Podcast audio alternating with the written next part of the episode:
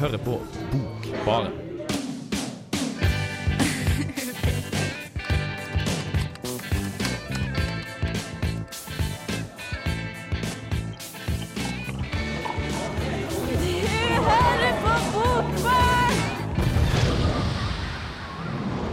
Hei, velkommen til Bokbarn. Jeg heter Eline Bjerkan, og med meg i dag så har jeg Kristine Bangstad Fredriksen og selvfølgelig vår nyeste barpike, Vida Brenna. Hallo, Vida. Hallo, Eline. I dag så skal vi snakke om mye rart og spennende. Eh, Vi skal innom Poesislam, Oslo Bokfestival. Dere skal få høre om debutanten Per Christian Kani. Og vi får også et ublidt møte med skadedyr. Men først Epathy med Michael Kronin.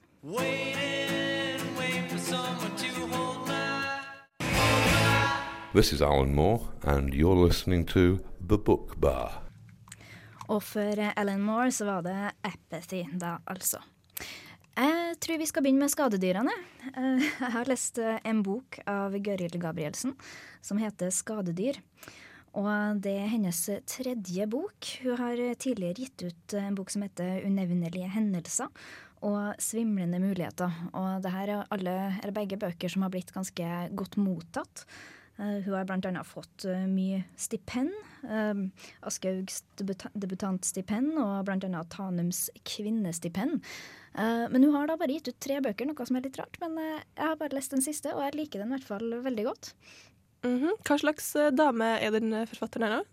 Vet du, uh, hun, er, hun virker som en veldig uh, god forfatter. En uh, forfatter som, som har fått mye pri, altså stipend og, og ros også, men så virka veldig sånn litt tilbakeholden, for som sagt, det er bare tre bøker. Jeg lurer på, Den ene kom ut i 2006, vet jeg. Og, og hun er vel mer sånn kvalitet fremfor kvantitet, da. Mm. Men eh, jeg syns jo det er noe vi må ta opp her, og det blir litt mye sånn eh, coversnakk i Bokbarn igjen, men vi er jo glad i det Men det her eh, var et spesielt cover også, da. Så Det er et veldig spesielt cover. Um, når jeg først så den på nettet og skulle bestille den, så syntes jeg det var utrolig stilig. For det var lilla bakgrunn, og så var det en sånn svær bille frempå som er veldig sånn stilistisk ordna med masse I gull. mønster. Ja, det var i gull. Og det fant jeg jo ut når jeg fikk den i posten, da, for jeg visste sikkert på bildet. og, og det er ikke bare det at gullfargen glitrer, men det her lilla bakgrunnen glitrer også. Så skikkelig glambok. det er vir virkelig en glemmebok. Men Eline, har du nå vært og shoppet bøker etter cover, eller er det Avslørt! Vet du, ja, Hva ser skal- fint ut i bokhylla? jeg skal innrømme at jeg, jeg er jo litt sånn her visuelt anlagt, da, for å si det litt pent, penere enn jeg egentlig er. Eh, men, eh, men det er en veldig god bok også. Det er det, også, selv om jeg ikke helt kan bestemme meg om coveret er tacky eller fint. Um, boka handler jo faktisk da om en skadedyrbekjemper som er redd for, å, for sin egen utryddelse. Uh, den er i tre deler. da. Så Første delen uh, handler om skadedyrbekjempelsen, som bare ødelegger livet sitt mer og mer. Og du får mer og mer assosiasjoner til at han faktisk er et skadedyr sjøl. Og måten han identifiserer seg med her, billene bildene og, måten han ødelegger omgivelsene sine og familien sin på, det minner veldig om en sånn termitt som bare kommer og spiser opp alt.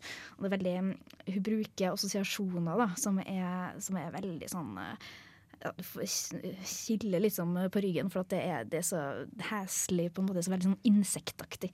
Uh, men samtidig så er det jo sant, er det ikke det? Eh, Da kommer vi til den andre delen av boka.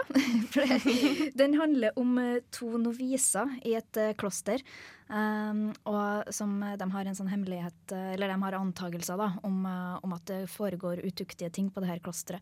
Og de, og de som styrer og steller, finner ut av dette her. Og da blir jo de en trussel selvfølgelig mot eh, klosterets renommé. Eh, så de, eh, det, det sanne ved det her da, er at de har funnet to skjeletter i en murvegg i et kloster i Sao Paulo ja, i Brasil. Og de to lå, Det var to damer, og de lå inntil hverandre. Hun ene lå med hendene folda i bønnen, og så hun andre lå med hodet på skuldra hennes da, i en sånn vegg. Um, det her ble oppdaga ved at de skulle eh, skulle få vekk et termittangrep. Så det er faktisk også en sann, sann eh, historie. Skadedyr. Mm, skadedyr. Og, og det er også snakk om at det er et sagn her, da, om at det drev og rasla og skrapa og banka innenfra denne veggen der de to var gravlagt. Det er også sant at det, det er et sagn.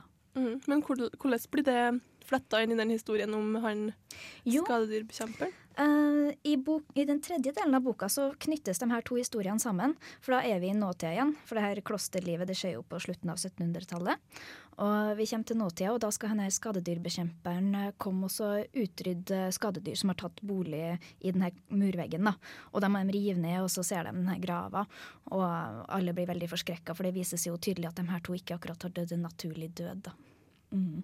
Så, og det her er også noe Det minner veldig om det som skjedde i virkeligheten. Og faktisk, hvis dere eh, leser boka, så er det et bilde av de her to mumifiserte likene aller bakerst. Så det er, det er virkelig sant. Altså, det er heslige greier. Eh, en annen litt artig ting da, er at inni boka så er det også sånn her oversikt over insekter, sånn som du finner i flora og sånn. Så det, mm, det er stilige, stilige greier. Det er forseggjort. Det visuelle i hvert fall, og boka er bra i seg sjøl òg. Ja, det var helt utrolig hvor den glitra i spotten i studio her. Den glitrer, og den er også god lesning. De kommer når du sover. Etter et festmåltid hvor du har dyppet den siste kjøttbiten i sausen.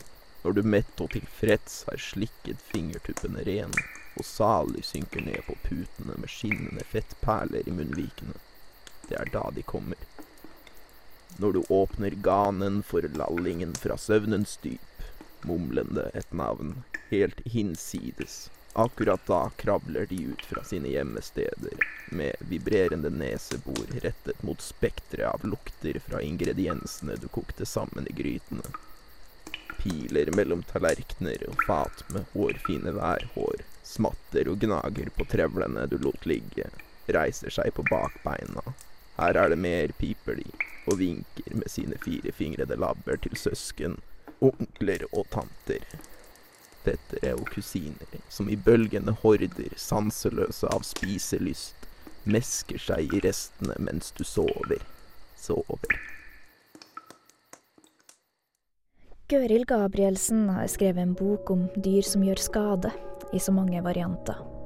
Her kan man lese om en skadedyrbekjemper som frykter sin egen utryddelse, og hvordan han sakte, men sikkert minner mer og mer om et skadedyr sjøl. Samtidig går fortellinga tilbake til 1700-tallet, til to noviser i et nonnekloster. De her kvinnene viser seg å sitte på kunnskap som kan svekke klosterets gode rykte. De må utryddes. Fortellinga om novisene ligner ikke bare den om skadedyrbekjemperen i forhold til tema. De her to fortellingene flettes også inn i hverandre til slutt. Det er et interessant tema Gabrielsen har tatt tak i, og jeg kan bare la meg fascinere av hvordan hun på elegant vis har gitt ordet skadedyrbekjempelse en større og nokså foruroligende mening. Hun viser oss skadedyrene i vårt eget nabolag, og gjerne dem som kommer i andre former og fasonger enn biller og mus. Samtidig, gjennom fortellinga om de to klosterkvinnene, gir Gabrielsen oss et historisk eksempel på hva som kan skje når noen mennesker kommer i fare for å være en trussel mot overmakta. Det trekkes i tråder, hviskes i ganger, og vips, så er utryddelsen i gang. Det er skadedyrbekjemperen som kleber seg som ei flue inntil fluepapir til tankene mine. En forunderlig og kompleks karakter, en man grøsser av og ofte ikke kan utstå, men som likevel snapper til seg leserens empati. Hans medfølelse for og økende gjenkjennelse i skadedyrene viser hans svake, kuriøse side, samtidig som hans behandling av egen familie vekker vemmelse. Ikke mindre forunderlig blir det når skadedyrbekjemperens galskap klekkes. For her vandrer vi virkelig i mørke hulrom mellom fantasi og realisme. Han gjenkjente frykten i dem som noe altomfattende, allstedsnærværende, som et språk, et tegn mellom dem. Og slik oppsto det for ham en forbindelse hvor han kunne ane det ytterste punktet av et felles opphav.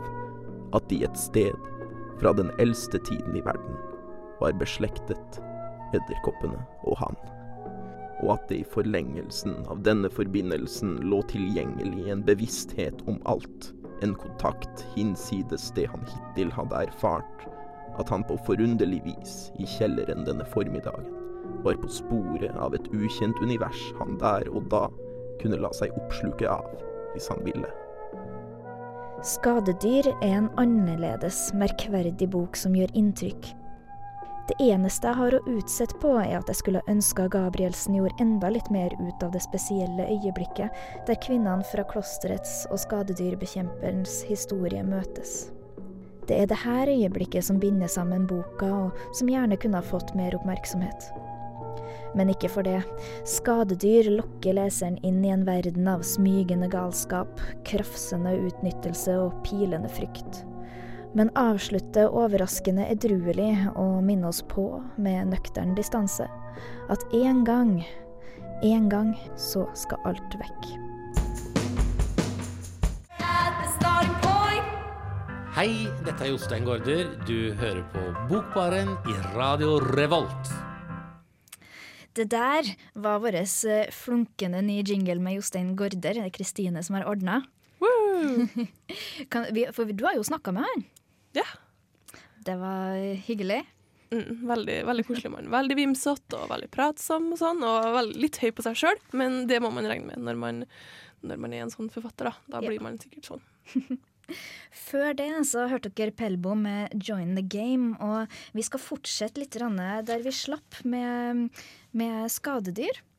Og ja det, det som fascinerer meg med denne boka, da, er egentlig hvor mye altså, For det handler veldig mye om universet. Eh, Det er mange sånne eh, metaforer i forhold til planetenes bevegelse og, og, og eh, hvordan livet til han her hovedpersonen utvikler seg.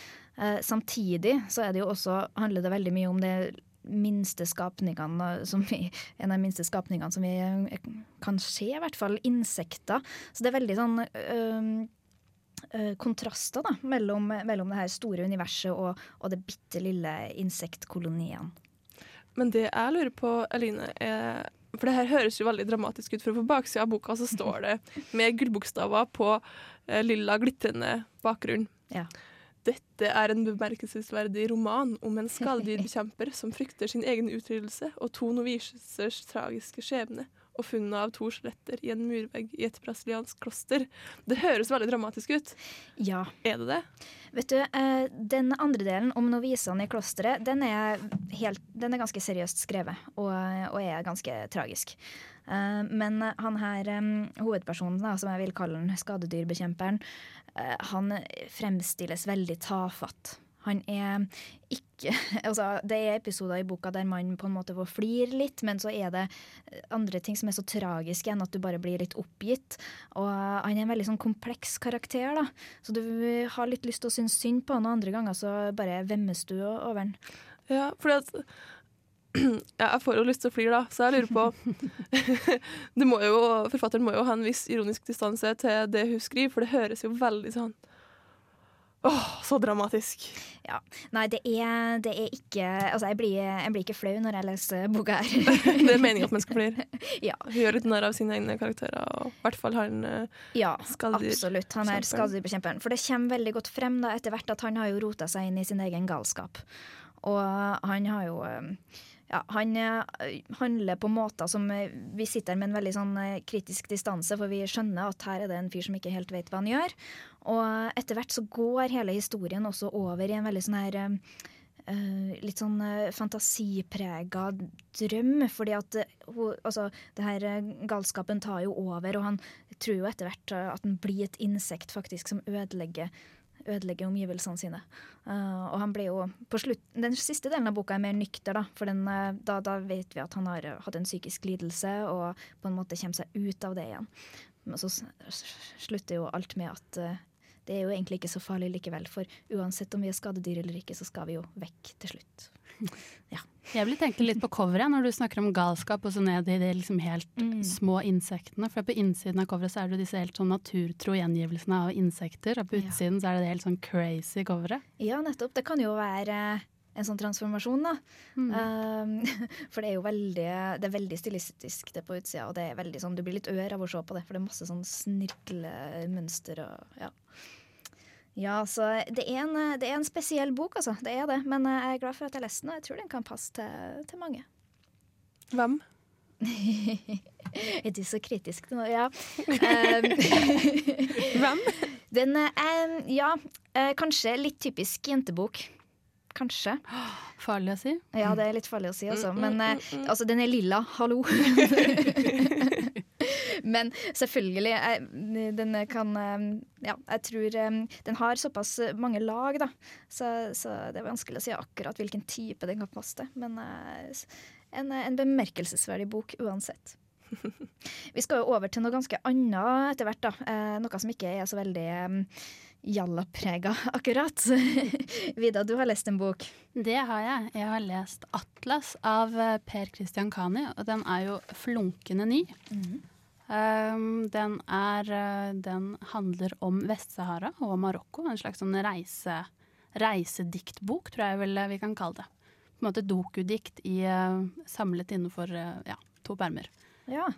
Det er um, um, Ja, hva skal jeg si? Hvis vi skal snakke om coveret der, så er jo det mye mindre crazy Ja. enn en eh, den boken du leste. For det er jo ganske konkret rett og slett flagget til Vest-Sahara. Nettopp. Det er jo litt mer eh, seriøse greier enn en det som jeg har tatt fatt i her. Det er det veldig, og, og han legger ikke skjul på at han har en politisk agenda bak det han, han gjør. Og det er også den første norske boken som er skrevet om Vest-Sahara. Så det er eh, mange førsteganger i denne Hva, hva er budskapet? budskapet Altså, han formidler egentlig mer kunnskap om Vest-Sahara. Um, fordi at det er jo et land som er okkupert av Marokko, og har vært det i mange, mange år. Hvor det holdt på å si eh, daglig, eller i hvert fall ukentlig, skjer overgrep fra den marokkanske staten. Og det, det får vi vite gjennom eh, fakta fra Google og utklipp fra norske aviser, og liksom plumpe utsagn fra norske handelsmenn med interesser i Vest-Sahara. Så um, budskapet er vel at vi må forholde oss til Vest-Sahara. Ja, nettopp. Det høres eh, veldig spennende ut. Jeg gleder meg til å høre litt mer om det her.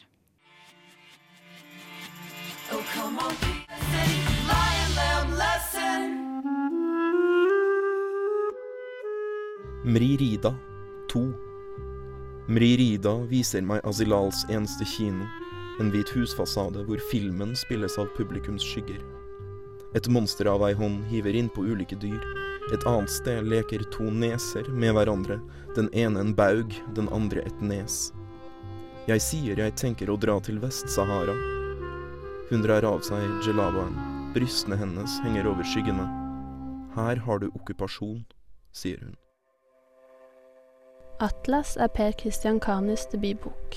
En slags reisediktsamling som tar for seg Marokkos okkupasjon av Vest-Sahara. Okkupasjonen er en glemt konflikt. Det er ikke en vi er vant til å verken høre om eller se i norsk media. Men gjennom diktene får leseren være med forfatteren på en reise nedover i de to landene.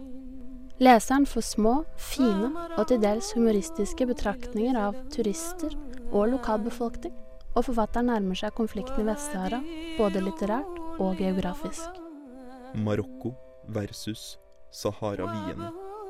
Turisten Tom kommer rett fra Vest-Sahara. Sier at landet er trist som faen. At det FN gjør der nede, er å heise og fire flagget. Og urbefolkningen, de kaller FN for United Nothing. En del av diktene beskriver bilder som forfatteren selv har tatt på reisen, og de fungerer godt som understreking av at vi som vestlige lesere og han som vestlig forfatter er på fremmed jord i diktsamlingen. Det er litt som å bla i en ukjent families fotoalbum og bare få lov til å lese bildebeskrivelsene. Bildediktene formidler da et slags tomrom mellom leseren og objektene diktene handler om. Men på en måte som gjør at man får lyst til å komme hjem til forfatteren og bla i det faktiske albumet. Og kanskje skulle jeg også ønske at jeg kunne få stå ved siden av Kani mens han tok bildene. Foto 85. Jeg deler en togkupé med to unge jenter og en middelaldrende kvinne. De må være i familie, for de har felles bagasje. Kvinnen bærer en svart abaya og et svart slør rundt ansiktet. Jentene er kledd i lyse og såkalt vestlige klær. Hver og en er tilsynelatende sorgtung, og de har ikke snakket sammen mellom Salé og Meknes. Pastellfargene gjør, av en eller annen grunn, jentenes framtreden mindre troverdig enn kvinnens. Noen ganger ser alle på meg. Jeg later som jeg snakker i telefon. I virkeligheten tar jeg et bilde. Diktene kommer etter hvert frem til Vest-Sahara. Og i Vest-Sahara lar Kani mange av diktene formidle fakta om landet og okkupasjonen gjennom utklipp fra Google, norske aviser og gjennom fiktive chatsamtaler med kjente norske politikere. Klippingen og limingen av fakta er kanskje ikke veldig originalt eller nyskapende, men det har sin egen helt klare funksjon. Det gjør at diktene lager et bilde av virkelighet, og det vekker en, en slags politisk bevissthet hos leseren. Samtidig så kan man tenke seg at forfatteren kunne ha tatt med meg som leser enda nærmere Vest-Sahara. Å bruke Google som kilde og beskrive objekter gjennom dikt, f.eks. sett gjennom en kameralinse, gir unektelig en følelse av å ikke komme helt nært innpå. Kanskje er det et helt bevisst grep fra Kanis side, men kanskje ville det også vært et poeng av forfatteren å iallfall prøve å gå litt ut av rollen som observatør, og å snakke om det han beskriver uten å legge et filter mellom seg og leseren, og mellom seg og Vest-Sahara. Men alt i alt så lar jeg meg provosere og engasjere av diktsamlingen. Den gir et behov for å vite mer om og komme nærmere noe som er langt borte. Og det må jo være bra.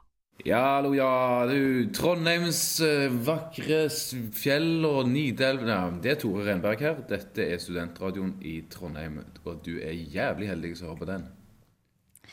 Før dere fikk høre Vida som snakka om Atlas, eh, så hørte dere eh, Cacophony av Tilly and the Wall. Atlas. eh, Det slår meg jo at det her, eh, han Per Christian Kani han var egentlig frilansjournalist. Ja, han var det. Eh, men han var jo også dikter, og han har vel sagt at han har skrevet lenge, hele livet, men han er jo blitt ganske moden. Jeg tror han er 35 eller 36. Ja, Så, og så trengte han noe å skrive om. Og så ble han tipset av en venn om da Vest-Sahara-konflikten, og så dro han nedover dit. Ja. Så det, det var en litt sånn bevisst reise, tenker jeg. Men uh, hvordan merker du at han eh, er, har vært journalist? da, i forhold til, for Når du skriver dikt, så er det veldig sånn lyrisk, uh, assosierer jeg. da, Det trenger jo ikke å være det. Men, men hvordan er, ser du at han har vært journalist i, i skrivemåten hans? Ja, altså Han tar jo helt konkret opp tema Mm. som er uh, realpolitiske, ikke sant? som en eh, politisk journalist ville ha tatt opp. Um, og så bruker han kilder og klipper på en måte fra aviser som, og, og refererer til politikere på, på en litt sånn journalistisk måte. Veldig typisk uh, Flamme å gi ut noe som uh, forfatteren ikke har skrevet sjøl. Han har skrevet alt selv, altså. Ja, Klipp og lim litt. Ja ja, klipp og lim, da. Det, det er Flamme. Men eh, ja, det er jo hvor, hvor mye vil du si at det er Vil du si at det er en blanding mellom fiksjon og fakta? Um, nei, jeg vil egentlig ikke si at det er så veldig mye fiksjon. Altså, det er vel mer altså, betraktninger av virkeligheten. Mm. Eh, og at han er ganske bevisst og ganske klar på at det er en virkelighet han har lyst til å formidle. Uh, samtidig, så, som jeg sa, så er det en slags sånn avstand i hele den måten han ser ting på. For at han, han går på en måte ikke inn i det stoffet han formidler i boken. Han er litt utenfor. Han ser alt gjennom en, en kameralinse, eller gjennom satellittbilder, eller gjennom eh, internett. da. Mm. Selv om han har vært der på ordentlig. Det Ja. vet vi jo. Får han, blir det et litt sånn distanse- distansert forhold eh, til det her, da, eller? Ja, og jeg tenker at det også er bevisst, fordi at eh, konflikten er jo Altså, Vest-Sahara er jo eh, et okkupert land som vi ikke vet mye om. Mm. I Norge så har vel kanskje de færreste hørt om den konflikten, selv om det er eh, en alvorlig konflikt som, som skjer nå. Um, og den distansen som vi har til det rent konkret, blir jo på en måte den samme som han har i diktene, og det, det er jo egentlig ganske fint. Ja. Jo, for at jeg har jo hørt at han er ganske kritisk eh, til norsk eh, utenrikspolitikk. Eh, Skinner det gjennom i de her diktene, eller? Ja, for han, altså han har blant annet en liksom, litt sånn eh, eh, blant to, mellom to kjente norske politikere. Som er veldig sånn ironisk, og, og han harselerer med Han altså med, med de norske politikerne. Eh, I tillegg så er det vel et utsagn fra en norsk fiske, eller sånn fiskemagnat da, som sier at det det um, den um, saharawiske befolkningen gjør i Sahara, er det samme som at uh, samene skulle søke om, uh, om uavhengighet fra Norge i Finnmark. Ja. Og det er jo bare som å rive seg i håret og tenke at herregud, har han sagt det? Så det, det, er, det er morsom lesning. Det er litt sånn eh, Man kan sitte og humre litt av boken også. Mm. Så det er ikke bare elendighet? Nei, nei, det er litt sånn vidd i det. det er, han er ganske vittig, altså. og så samtidig så er det jo en viss distanse eh, gjennom måte et medie. Uh, og eh, enda en ting som jeg har tenkt på. Uh, Kani det er jo et pseudonym, er det ikke det? Eh, jo, det er et pseudonym, eh, men han, han heter vel egentlig Nilsen, tror jeg. Han Ja, som journalist så heter han Nilsen, og som, som poet så er han Kani. Ja, og man kan jo tenke seg at det har en eller annen slags funksjon i forhold til å skape ytterligere distanse. Samtidig så Mm. tenker jeg at eh, det orker jeg ikke å henge meg opp i. Her er det Vest-Sahara som er viktig, ikke, ikke forfatteren. Så blir sånn politisk engasjert av å lese diktsamling. Ja, og det, det er jo bra. Ja. Det er jo en viktig ting. Um, ja, jeg ble sittende og tenke litt på om, eh, om, eh, om det at eh, det er en god sak gjør at jeg blir mindre kritisk til selve boken. Altså at, at det det er pakket inn i, ikke blir så viktig på grunn av at innholdet er så bra. Ja, hvordan, hvordan er det som lyrikk? Hvis du klarer å på en måte Ja, sant? Og det blir vanskelig, fordi at jeg lar meg litt farge av at uh, jeg blir engasjert i uh, saharawienes uh, levekår. Og det er jo noe man kan tenke over, da. Det, ja. Mm. Ja, for det, som du sa tidligere her, at man får litt karmapoeng bare ved å lese boka, er det ikke sånn? Jo, man gjør i hvert fall det hvis man eh, leser boken, og så går inn på internett, og så leser om Vest-Sahara. Er det her eh, en bok som du ville anbefale for eh, mange folk, eller er det sånn, litt sånn nisjeprega? det er jo helt klart en nisjebok. Mm. Det er jo utgitt på uh, et nisjeforlag, men samtidig så hadde det jo vært fantastisk om mange hadde lest det. Ja. Ja. Så det er egentlig, egentlig så burde man lese det. Man burde lese det, men om det skjer, det vet jeg ikke. Nå skal dere straks få Tom Waits med 'Bad As Me'.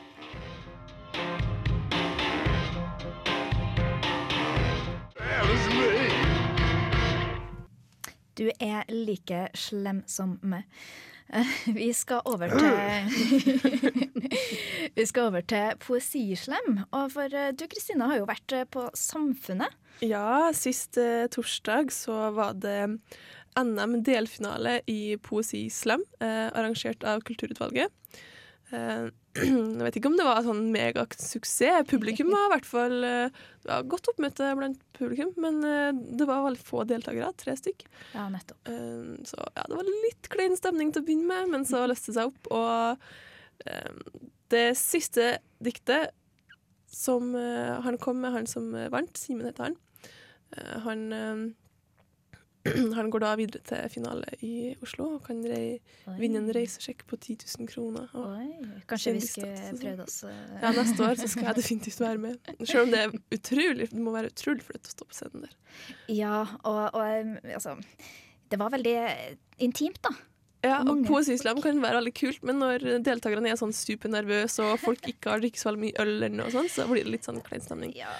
Men i alle fall, det her eh, diktet, det siste diktet han kom med, som har blitt ut, ukas dikt her, det handler om hvordan man føler seg dagen derpå, etter en del øl.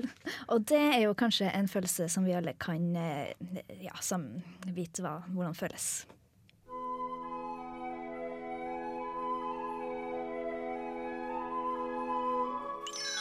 Ukas dikt. Ok, Dette handler om en følelse som jeg kjenner veldig godt, og som sikkert også dere kjenner veldig godt. Den heter Angsten, gårsdagen og ranglefanten. Hodet snurrer stille, og sekundene jeg teller, er jævlig seige karameller. Er det dette jeg kalte å leve? Det kokte ned til å være der så vidt til stede. Selvredusert, ukultivert, overhydrert. Og mine bein kom i går fra en gammel kaptein. Og hvis galskap var Gud, så gikk Gud med meg. Hele veien ned i rennesteinen. Jeg hadde vært guttungen på bildet i fem dager. Det vil si 120 timer, som delt på 60 blir 7200 mektige minutter, altså veldig, veldig lang tid. Men i går var han mitt alibi, og derfor sang jeg Slipp meg inn, sang Peter, slipp meg inn i varmen. Det later til å være så artig der på andre siden av dørkarmen. En etterlengtet lørdagskveld brukes best til å stå og søle dressing på seg selv. Gjennomsiktigheten brant hvitt og varmt, og Drammen bygde bro, og jeg kunne bare sitte her og være lodden og god. Alt som ble igjen, var bare kvist og en stubbe, for jeg gikk inn som en hingst og kom ut igjen som en gubbe.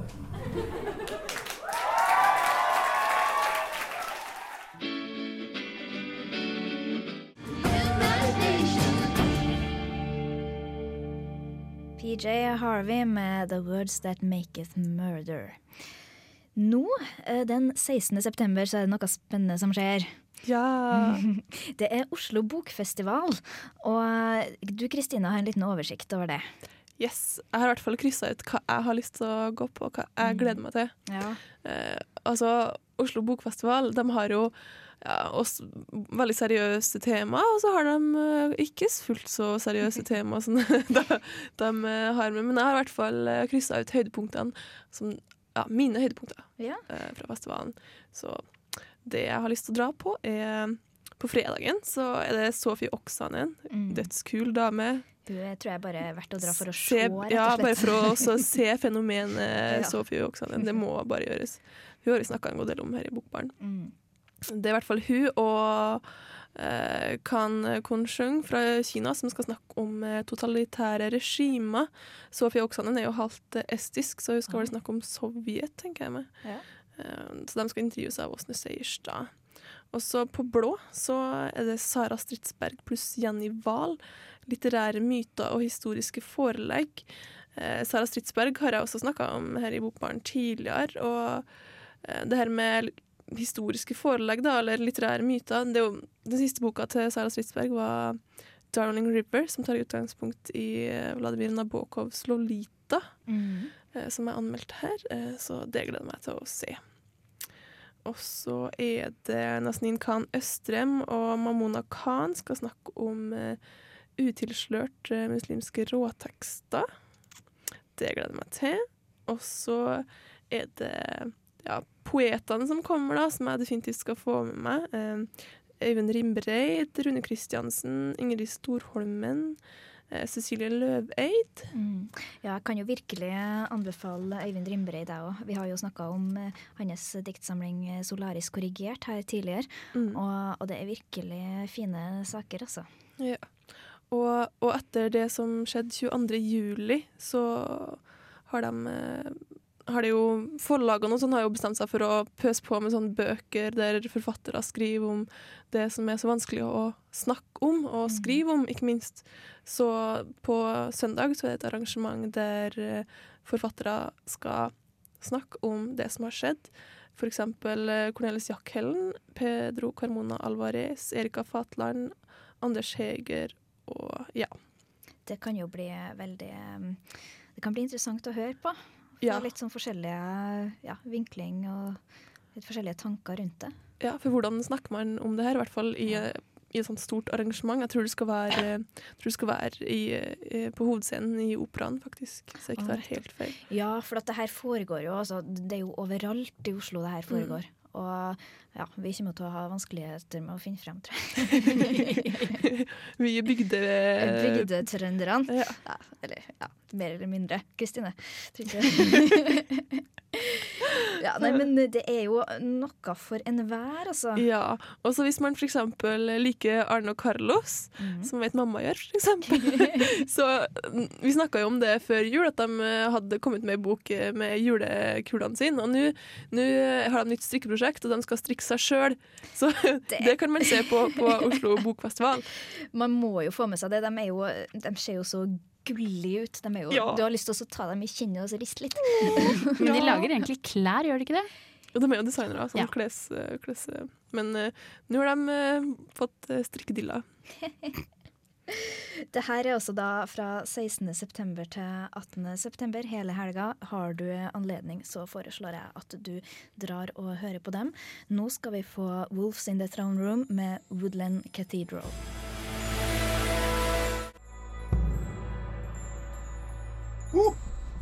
Radio Revolt. Woodland Cathedral der, altså. Det må bare sies at vi har slutta å musikkprodusere oss sjøl. Ja. Det her var ikke oss. Spesielle greier. Ja ja, vi har snakka om eh, Oslo Bokfestival, og vi skal straks gå over til en litt annen festival. Raptusfestivalen. Den var sist her i eh, Bergen. Det er Bergen Mm. internasjonale tegneseriefestival. Og vår kjære mm, tekniker, eller Eks-tekniker, ja. han eh, Arne By, han har gitt ut eh, et hefte som heter Mira 18. Som handler om eh, hans kjære Mira, som har fylt 18-årsdagen sin. Så Mm. det var lanseringsfest, lanseringsfest og greier i, i Bergen i helga. Så Og det her er jo noe som man har holdt på med lenge, vet jeg. så ja, det vi er så stolt. Ja. Fantastisk. Og vi trenger jo, jeg syns det er veldig stas med litt mer eh, tegneseriefokus. da. Jeg synes det, det, det er en fin liten alternativ ting til alle her klassisk tunge, store mursteinene og bøker vi tar for oss til vanlig. Um, ja, i dag så har vi jo snakka om mye rart, og festivaler først og fremst. Eh, Vi har hatt eh, morsomme bøker, eh, ikke fullt så morsomme bøker. Og med meg i dag så er det Kristine Bangstad Fredriksen, Vida Brenna. Jeg heter Eline Bjerkan, og vår eminente tekniker har vært Bendik Bolme. Jeg syns dere skal laste ned podkasten vår og høre på Stream on demand. Og så håper jeg vi høres neste uke. Ha det bra.